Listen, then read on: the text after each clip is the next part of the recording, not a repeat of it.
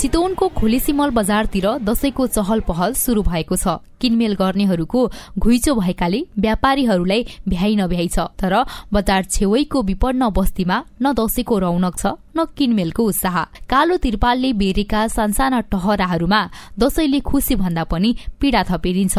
पिँढीमा बसिरहनुभएका फूलमाया विकलाई दसैँ नआइदिए हुन्थ्यो जस्तो लाग्छ। त्यस्तै हो हुने खाने धनी मानीहरूलाई लागे होला। हामी जस्तो गरिब स्तरको मान्छेलाई के लाग्नु छ र? न त अब गतिलो खाना जम्मा गर्न सक्छ न गतिलो लाउन सक्छ। अरू लाइफाइ गरेर हिँडेको देखेर निराश तर पनि अब बानी भइसकेपछि अलिअलि पिर्छन् त्यहाँबाट अनि पिर्दैनन्। दुई हजार बहत्तर सालको भूकम्पले घर भत्किएपछि जुटपानीका उन्तिस परिवारलाई नगरपालिकाले टहरा बनाएर राख्यो। उनीहरू सात वर्षदेखि जसो तसो बस्दै आएका छन्। घर खर्चको जोहो गर्न नसक्नेहरूमा चाडपर्वको खुसी जुटाउने सामर्थ्य छैन। स्थानीय वीरबहादुर विश्वकर्मा। पैसा छैन। इष्टमित्र आउँदा नि के दिने हो? के खानिदिने हो? त्यो हाम्रो तनाव रहिरहन्छ। अब नाति नदिन छ कपडा ल्याइदियो भन्छ। अब बुहारीहरूलाई दिन पर्यो।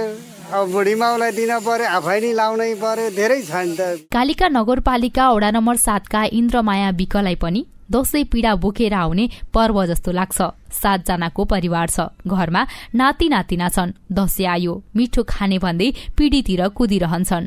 आमदानीको स्रोत भनेकै पुर्खौली आरण पेसा हो। दुई चार थान फलामका औजार बिक्री भए केटाकेटीका अनुहारमा खुसी छाउँछ। घरमा केही छैन यस्तै खुर्पा कोदालहरू बनाए बेचे खाने बाटो खाने खजाना कसरी जोड्ने कसरी मनाउने। दुई चार दिन भए पनि अरूले खा बेला बुढालाई खुवाउन नि पर्यो के गरी खुवाउने हो?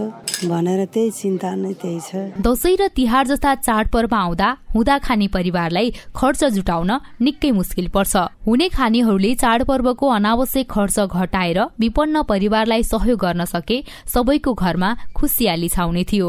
Pabitra Parajuli CIN Bijay FM Nawalpur.